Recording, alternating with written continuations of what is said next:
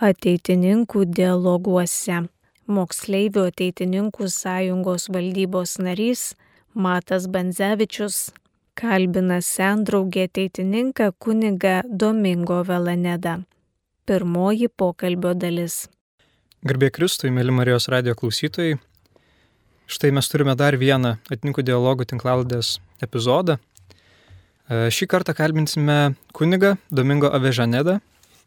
Kalbinsiu jį aš, moksleivis atininkas Matas Banzevičius ir atininkų draugas Nojus Narauskas. Gero klausimo. Na kągi, Domingo, e, čia kaip tik kalbėjom, kaip reikėtų sakyti jūsų pavardę, tai man atrodo labai gera e, vieta išsiaiškinti, nes vis sako Velaneda, Vejaneda, tai dabar jau žinosim, kad Avežaneda. Kad jeigu jau kažkas oficialiai kreipsis, tai žinos. Šiaip, kad sugalvoju jūs pasikviest, nes visgi kartais atrodo, kad jūs esate toks žmogus atininkose, dėl kurio labai daug žmonių yra pametę galvas. Kad netgi man kaž... kai kažkada važinė, kai jaunesnis važiuodavo į, ateit... į Berčiūnus stovyklavietę, jaunučio ateitininkų. Tai visada man atrodydavo, atrodydavo, kad jūs toks savitas Don Bosko. Kažkaip, kad va, turim tokį kunigą, kuris labai su jaunimu, kuris labai moka prajuokinti ir gal netgi dabar, kai jau važinėjame į akademis ir taip toliau, atrodo, kad kai kurie moksleiviai net nevažiuoja dėl ten temos ar paskaitų, bet važiuoja būtent pamatyti jūs. Ir kad jūs toks esat kaip siūlas, jeigu taip liūdnai pasakyti, kuris laiko tas moksleivius čia, bet gal iš to siūlo gal netgi labiau kaip tiltas, kuris perertina žmonės prie to tikėjimo ir prie pačių ateitininkų, kad va, turim tokį, tokią asmenybę. Kaip sakytum, nojau? Um, taip, tikrai. Uh, aš kiek esu, iš, turiu iš patirties, uh, Domingo visą laiką būdavo toksai žmogus, kurie uh, būdavo apsuptas tokių uh, gerų patirčių, uh, visi vaikai apie jį turėdavo gerą žodį pasakyti ir uh, tikrai stovyklų viena iš priežasčių būdavo tikrai pamatyti Domingo ir su juo pabūti. Tai kaip jums domingo atrodo toks požiūris? Man atrodo ne iki galo gerai, nu ta prasme. Um, šiaip yra taip, iš tikrųjų yra atveršiai. Aš susipažinau su ateitininkus e, gana senai ir buvo kažkokia lobby atradimo, e, per kurį galvojau, e, galiu pratesti mano e, pašaukimo darbą e, su labai gera atmosfera ir gera medžiaga.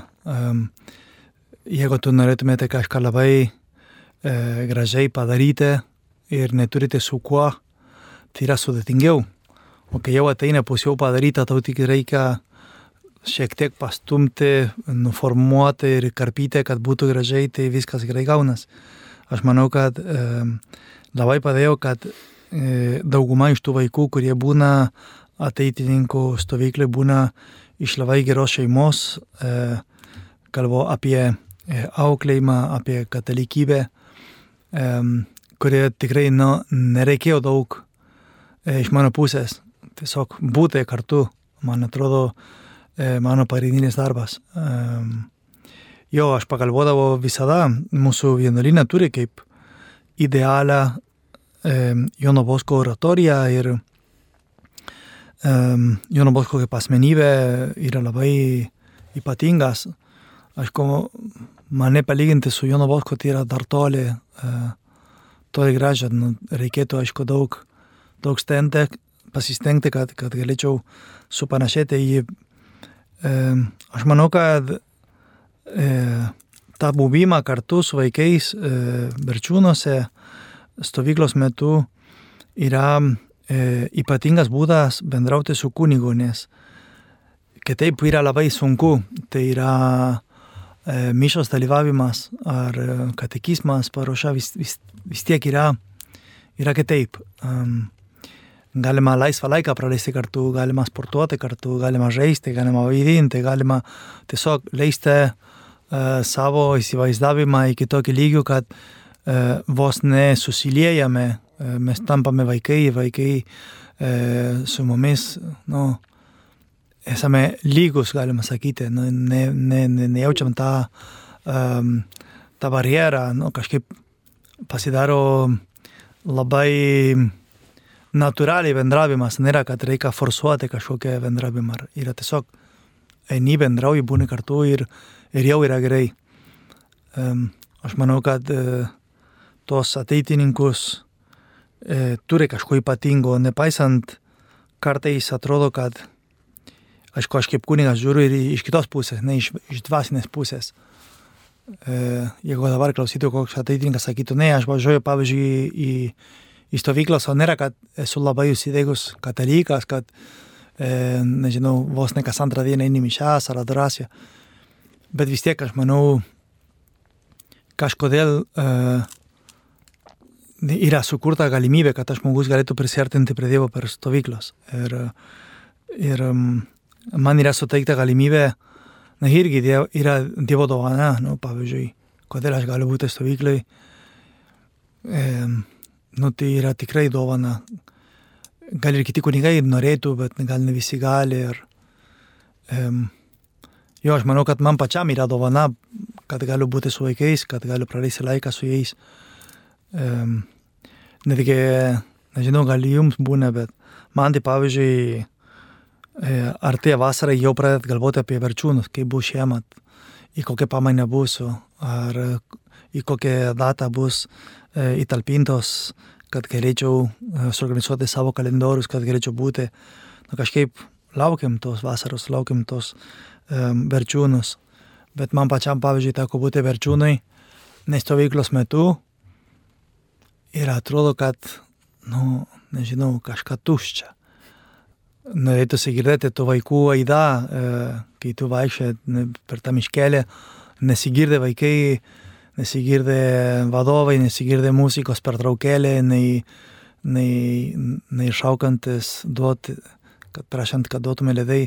Tiesiog um, vis tiek uh, berčiūnus, bet ateitininkus, man atrodo, būtų praradęs tą, tą vertę ir, ir mūsų vasaros praturtina ateitininkus. Nes man kažkaip atrodo, nu, vat, kai, ir kai vaikas važiuodavau berčiūnus į berčiūnus ir dabar, kai jau keletą kartų esu buvęs vadovu, man atrodo, kad tiem vaikam yra didžiulė Dievo palaima. Kad vat yra toks kunigas, kuris be galo charizmatiškai, be galo šeiminiškai ir mielai perteikia tą tikėjimą. Nežinau, gal nojus paantrins, kad, nu, jūsų ir tie pamokslai, vat, pavyzdžiui, būna iš to katalikiško pasaulio, kad tie vaikai, kurie yra ten, pavyzdžiui, nuken, nu, kurie buvo persekiojami arba nukentėję dėl savo tikėjimo, kad tikrai parodo tiem maž, ma, mažuly, mažulyčiam, jeigu juos taip galim pavadinti, tos mūsų stovyklautojus, kad tas tikėjimas yra arti ir jis yra tikrai tikras.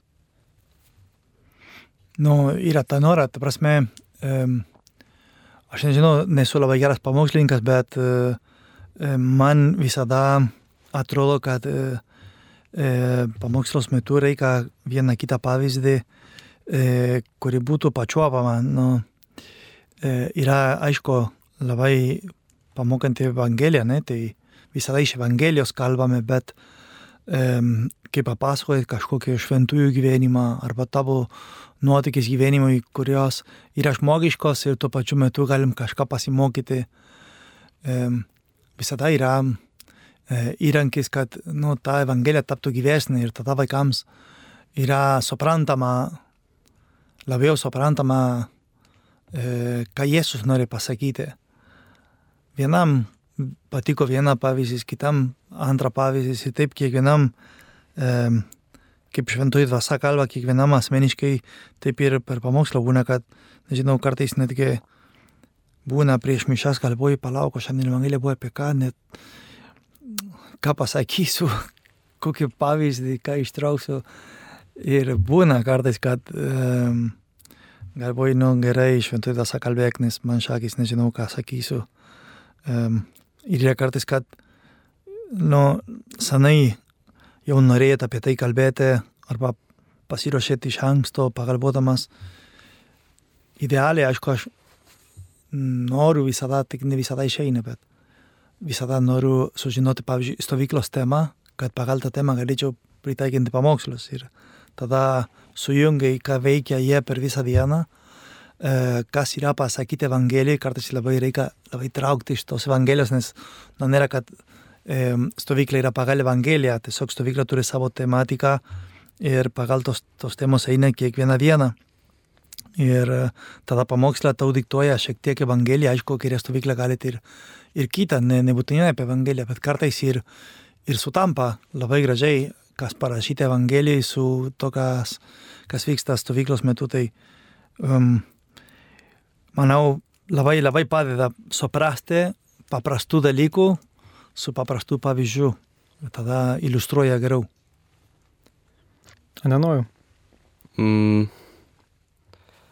tikrai taip, nes uh, aš atsimenu, kai būna, atrodo, stovykla vyksta ir kaip, kaip ats kunigo uh, Domingo vat, gali padaryti va, tą, uh, yra kažkokia tema ir pamokslas, tai tiesiog viskas sueina kartu ir, nežinau, tu būni naujai užkurtas ir, uh, nežinau, to reikia tikrai, reikia daug sugebėjimo.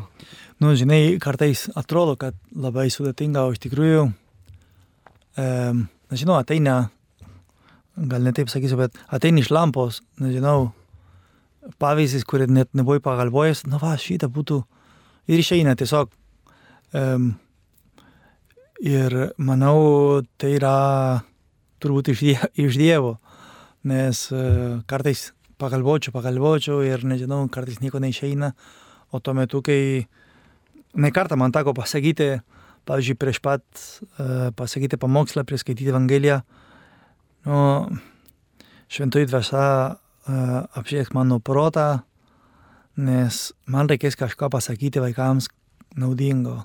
Padarykit ne dėl savęs, bet dėl vaikų, kad jiems galėčiau padėti, kad ir tikrai veikia. Aišku, labai padeda taip pat, kai stovykloj prieš keletą metų atidarėme tą mažą galima vadinti koplytelė, maldos kambarėlė, kur turime švenčiausią sakramentą, kur ryte susitinkame su, su vadovais melstis.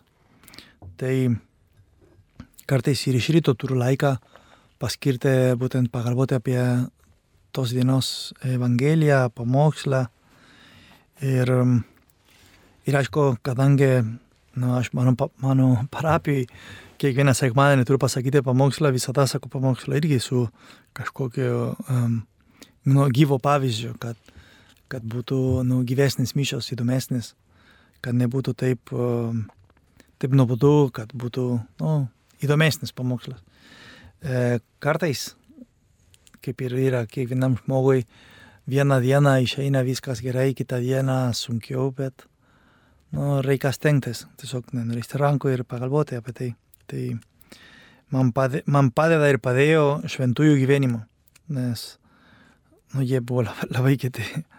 Ir įvairių pavyzdžių galima pritaikinti bet, kuriam amžiui, nesvarbu, ar čia vaikas, ar suaugęs, visada tinka kažkaip įdomu. Tai aš dabar kažkaip užvedžiau apie tos berčiūnus tą istoriją, nes begalė vaikų ateitininkai susipažįsta su jumis būtent per berčiūnus.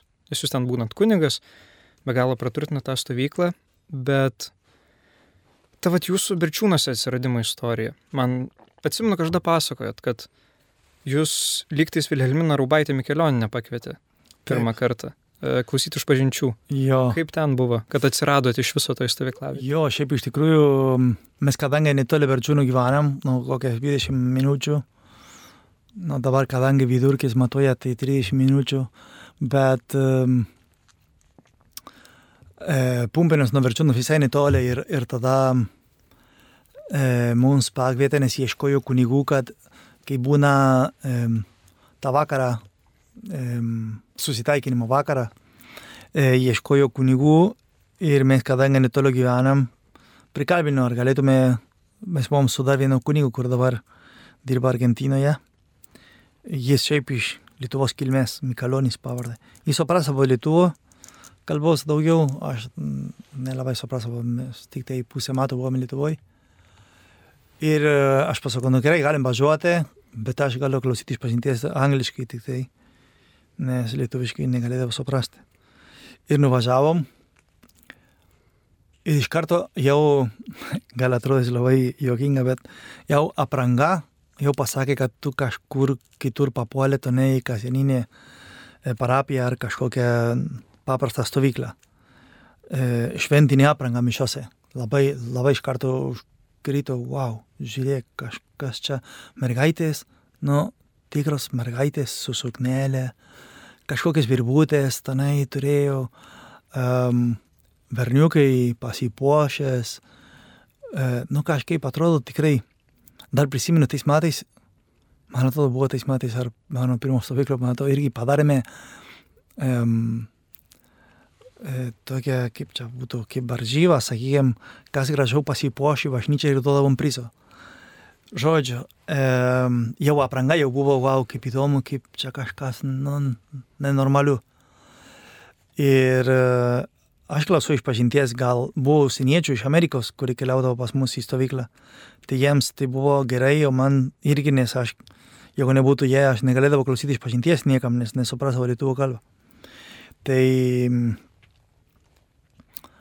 buvo wow ir aš tada kalbėjau su Vilhelmina, kiek buvo įmanoma bendrauti su ją.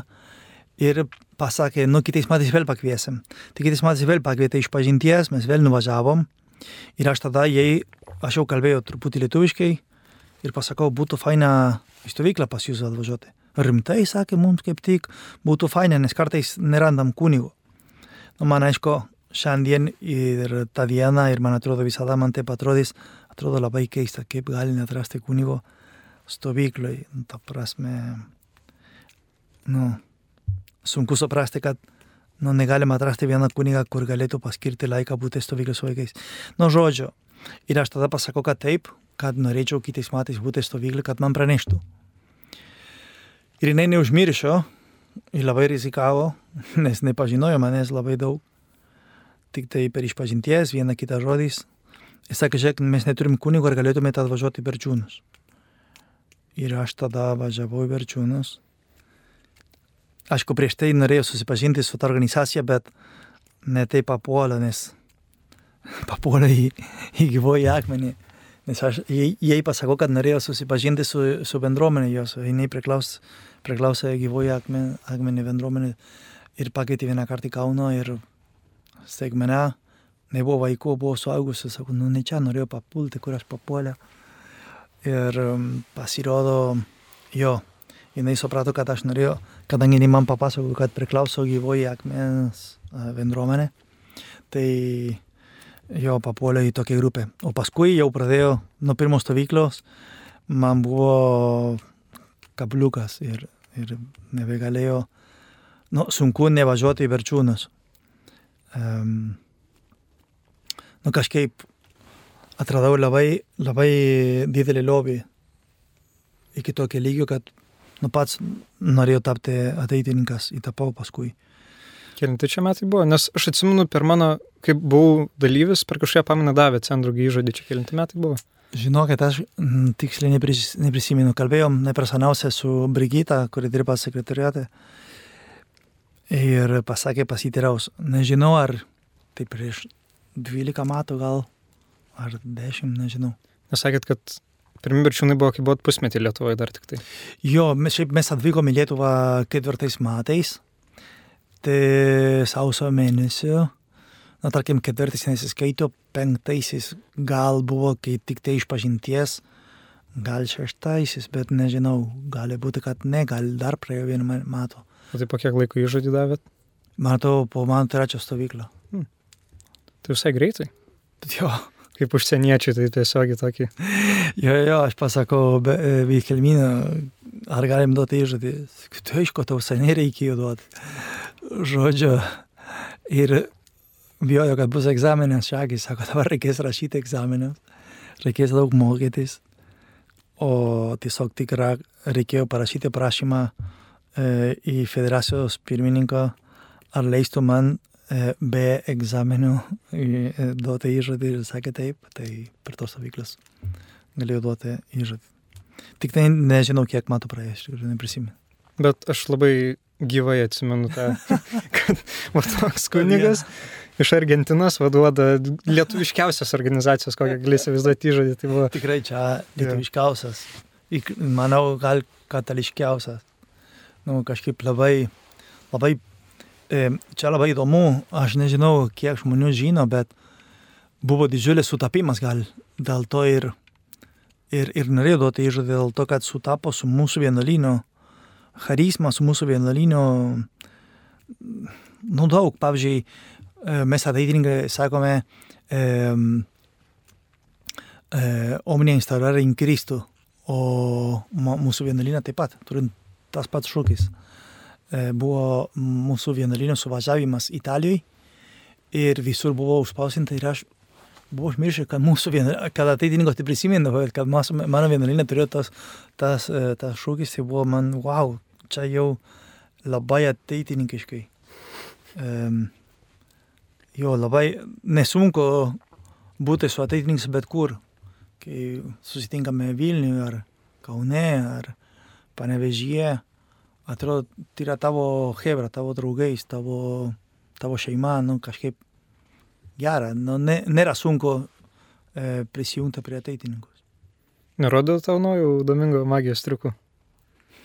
O, tai prisimenu, būdavo uh, Domingo magijos triukai, tai čia nežinau, uh, Berčiūnas už kokius keturis metus gal uh, prie, aš atsimenu vat, vaizdą, vat mes stovim prie bažnyčios durų ir Domingo ateina ir jis taip išsitraukia iš rankovės savo ten, nežinau, servetėlė. Servetėlė jo ir tada ten visi galvojam, arba ten pirštą kažkaip ten ištraukia ir ten, nu, būdavo toksai, kai maži vaikai būdom, tai tikrai tokia uh, ypatingas dalykas. O kaip jūs atsiradote verčiūnas? Mane taip pakvietė, čia atitinkai žinos, Vilius Kupčikas, toks moksleivis, nes jo brolis važinėdavo į stovyklas ir vienais metais jo tėvai sako, mano tėvam važiuojam. Ir taip atsiradau. Ir man atrodo, jūs jau buvot, nes jau buvot, nes o, atsimenu, tą magišką knygutę rodė, triuką per mano ai. pirmus berčiūnus. Tas spalvot, kur nėra nieko, tada yra formas ir tas spalvota. Tai aš labai gerai atsimenu jūs. Ir vat užkabinat nuo to momento. Bet pavyzdžiui, e, jūsų šeima irgi turėjo kažką bendro, ne? Ar ne? Nieko, jūs pirmiausiai nieko. A, ne? Kaip iš gedro dangaus mane taip įstumė ir sakau, viskas, wow. važiuosiu kiekvienais metais, atiduosiu į visą širdį. O, o... o pas mane tai, manau, irgi senesni ateitininkai turėtų pažinoti Evaldą Darškų.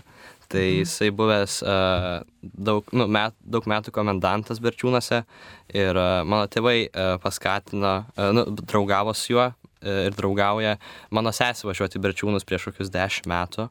Ir tada aš dar buvau per mažas ir ten palaukau kokius 2-3 metus. Nesupratau, kur jinai važiuoja, jinai tiesiog dingdavo 10 dienų.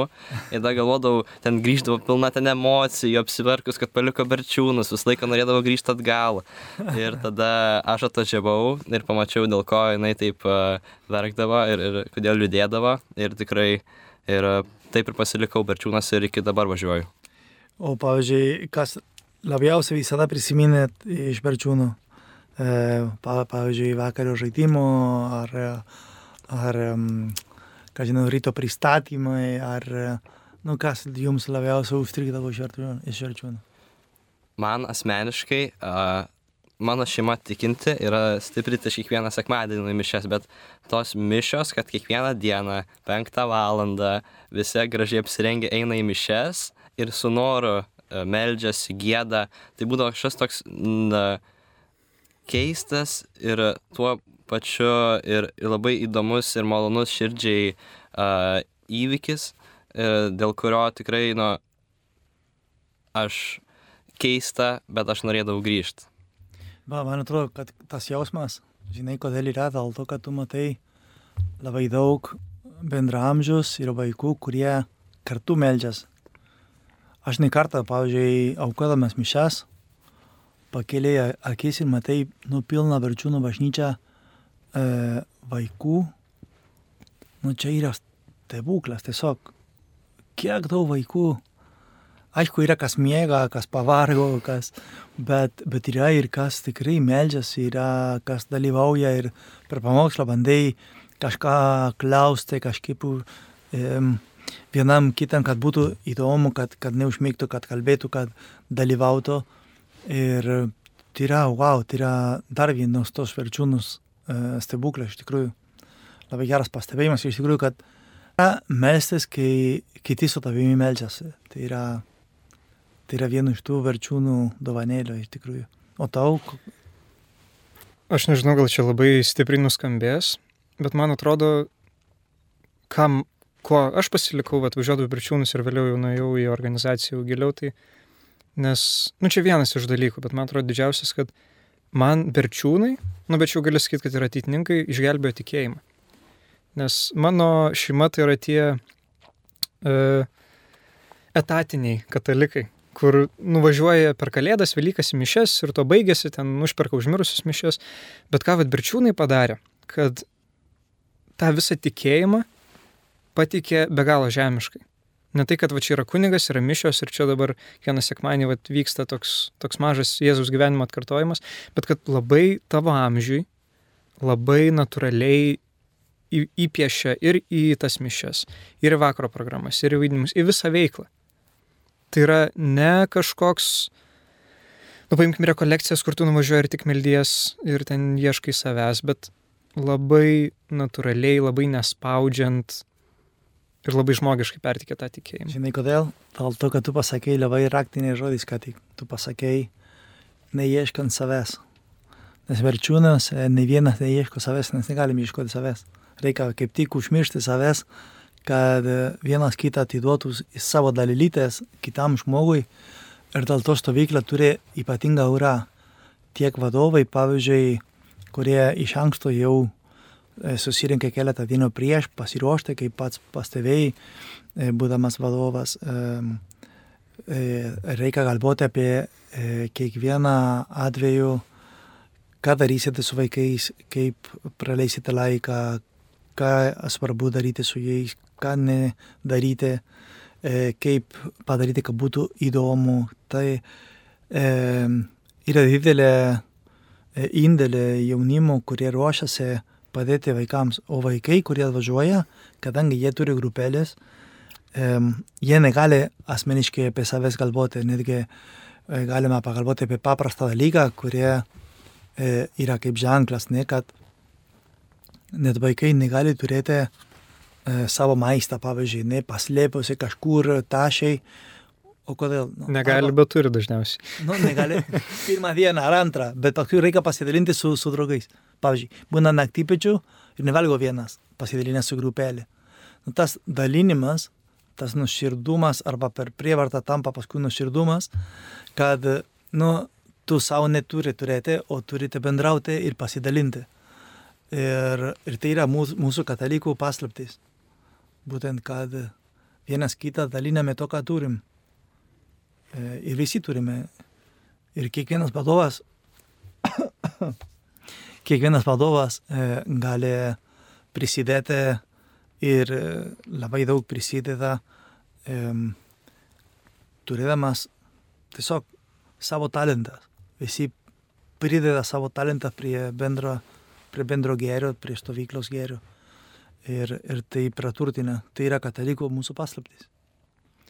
Bet paminėjot, kaip atsiradot Lietuvoje, tai per savo vienuolyje, ir įskūnėsio žodžio kongregaciją. Taip. Ir, nu, jie misionieriškas skaitosi kaip ir taip. vienuolyje, taip. Kokia buvo reakcija, kai pasakė, kad jūs busite atsiųstas į Lietuvą, į kažkokią Europos užkampį. O tek, bet šiaip Argentinai teko girdėti apie tokią šalį? Mokykloje ar kur nors? Mokyklai mokėmės, kad yra trys Baltijos šalis, kad yra Estija, Latvija ir Lietuva bet mokėmės, kad e, ir buvo nu, e, priklausę Rusijai. E, paskui, kai įstojau į seminariją, aš turėjau kursokas lietuvis. Nu, ta prasme, mama ir tėtė lietuvi. Jie gimė Lietuvoje, kai turėjo 15 metų keliau į Argentiną, į jaunimo dienos, pasaulio jaunimo dienos buvo. Jie susipažino Argentinoje, būdavos abu iš Lietuvos, viena iš Vilnius, o, o jinai iš Dzukijos berots. Susipažino Argentinai, susitokė Argentinai, nebet norėjo grįžti į Lietuvą, tai pasiliko e, Argentinui gyventi ir būtent tas vaikas, kuris gimė Argentinui iš Lietuvų tėvų, buvo mano kursokas seminarijai.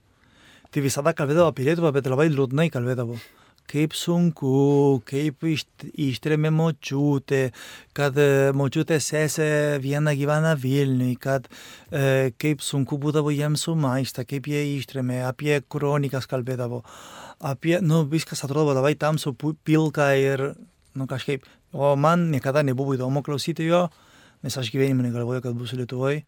kai jis kalbėdavo, sakydavo, nu gerai, kalbėk, kalbėk, aš einu kažkur kitur, darydavo kažką kitą. Netgi prisimenu, kaip šiandien, kai mūsų vyresnysis gavo nuotrauką iš Lietuvos, kai pasiūlė mums dirbti pumpiniuose, siuntė nuotraukos bažnyčios ir vienuolino, kur buvo apleista, e, kad mes matytum,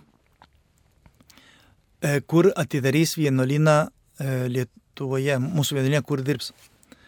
O man tą dieną, prisimenu kaip šiandien, visi puolė prie to kompiuterio pažiūrėti, o kaip nuotrauka. O aš prisimenu geriau matęs su mūsų vienuolinos įkūrėjas, buvom pas jį ir mes kalbam šiaip apie gyvenimą, o visi, oi, žiūrėk, kaip gražu, kokia didelė bažnyčia. O aš galvoju, tikrai aš į Lietuvą neklausiu, tai man, nu, nesvarbu. Dar viena vieta pasaulio kaip ir, kaip ir daugelį vietų. Tai, nu, apie Lietuvą girdėjau, bet niekad nepritaiko savo. Ta prasme, wow, kad egzistuoja, tai egzistuoja. Kad e, yra, bet man nebūdavo net įdomu, nei kaip atrodo, nei ar, ar kokia kalba, ar koks yra klimatas, ar kuriai, kuriai vietoj teks dirbti, nežinojau. O dabar jau ir pilietybę turit. Na, jau pilietybę turiu. Bet buvo, buvo šokas, kai, nu kaip šokas, man klausė, ar sutinku keliauti į Lietuvą ir pa, galvoju, pala, man į Lietuvą. Nu, gerai, galima. Sakė, nieko prieš, nu, nieko prieš. Aš buvau pasiruošęs bet kur keliauti iš tikrųjų. Tik man buvo pasakyta prieš pusę metų, nu, gal prieš metus iš tikrųjų. Prieš metus prieš būti diakonas, man sakė, kad keliausiu į Airiją. Tai aš, kai buvau jaunas ir tik jaunas, mokosiu e, anglų kalbą ir mokyklai, paskui e, anglų kalbos institutą. Ir pradėjau dar papildomą mokytis, nes sakau, vis tiek man reikės airiai kalbėti angliškai. Bet paskui tą airiją tylėjo, niekas nieko šiaip pasakyta gali būti, kad keliausit, bet nu, nebuvo patvirtinta, nei man pasiūlė, nei ką. Ir paskui, kai man skambino, aš buvau Čiliai, kaip diakonas, dirbau Čiliai, mūsų noviciate kaip uh, kunigas padėjėjas. Tai paklausė, per telefoną skambinė iš Argentinos, sakė, žiūrėk, galvojam, kad tu galėtumėt keliauti į Lietuvą, ar sutinki? Nu tai taip, sutinku, bet aišku, apie Lietuvą nieko nežinojau, net nebuvo įdomu iki to laiko sužinoti. Tada puoliau paimti enciklopediją, skaityti apie Lietuvą, o tai enciklopedija buvo vadinama Ispanų enciklopedija. Buvo viena puslapė apie Lietuvą parašyta ir tai viena puslapė buvo labai nedaug parašyta, kad pinigai litai, kur yra prie Baltijos jūros, kad ir porą nuotraukų buvo trakai, buvo Vilnius senamesti ir aušro vartų. Ir aš galvoju, kaip gražu, žiūrėk, senamesti, kaip faina ir wow, trakai, kaip nuostabu. Bet niekur nebuvo parašyta, kad kalba beveik yra neįmanoma išmokti, kad įmanoma sušalti, kad kaimas neatrodo kaip sostinė, kad tiesiog um, buvo kitaip. Bet e, labai džiaugiuosi. Dabar net sunku įsivaizduoti mano gyvenimą be Lietuvos. Na, nežinau. Nes aišku, man neteko kaip kunigas kitur dirbti. Vienintelė vieta dirbau kaip kuniga buvo Lietuvoje. Tapau kunigui po dviejų mėnesių Lietuvoje. Tu paminėjot porą tokių dalykų, ko nesitikėt Lietuvoje. Ir gal šitas vadinama, kaip dabar pasakysiu, bet kultūrinis šokas. Esat girdėjęs tokią savoką. Vat, ka, kas Lietuvoje šokiravo? Vat, ką lietuviai arba ką Lietuva daro kitaip negu ten Argentina arba kur esat buvęs? Kas va taip šokiravo? Pavyzdžiui, amerikiečiam yra tas bairis, kad jie nėra pripratę, kad langai atsidaro į viršų. Kad vidinimas gali pasakyti ir galvoja, kad krenta langas. Nu, ka, ka, kokie dar gali būti pavyzdžiai? Dabar taip vietą nesugalvosiu. Bet, pavyzdžiui, man atrodo, kad e, vieni iš tų keiščiausių dalykų, bet tikrai buvo keistas, um, kai mes atvykom į Lietuvą po savaitės, nu, keliavom į Vilnius kunigų seminariją, savaitę gyvenom, nes tenai gyveno būtent tas kunigas, kur buvo, mūsų, buvo mūsų kontaktas, kad mes atvažiuotume į Lietuvą. Kunigas Vytautas Palovinskas, amžinatelsiai. Jis buvo lietuvis, gimė Lietuvoje, bet turėdamas 3-4 metukų per antrą pasaulinį karą keliavo į Argentiną, tai augo Argentinoje, ėjo į mokyklą Argentinoje, tapo kunigas Argentinoje, dirbo Argentinoje, bet jis norėjo mirti Lietuvoje tai sugrįšiu į Lietuvą. Jis likti ir padėjo taip pat, tegu jis mums papasakodavo, padėjo rasti finansavimą, kad pastatytų naują Vilnius kunigų seminariją. Ir jis gyveno kunigų seminarijai.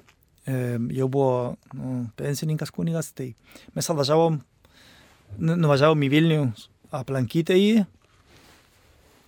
Ir mums būdavo keista, kad jau trečią valandą vakaro pusę keturių jau tamsu. Kad šaltis neįkandomas, kad labai šalta. Ir mes vieną vakarą sugalvojome eiti pasivaikščioti į seminarijos, bet nežinom, į kurią pusę centras.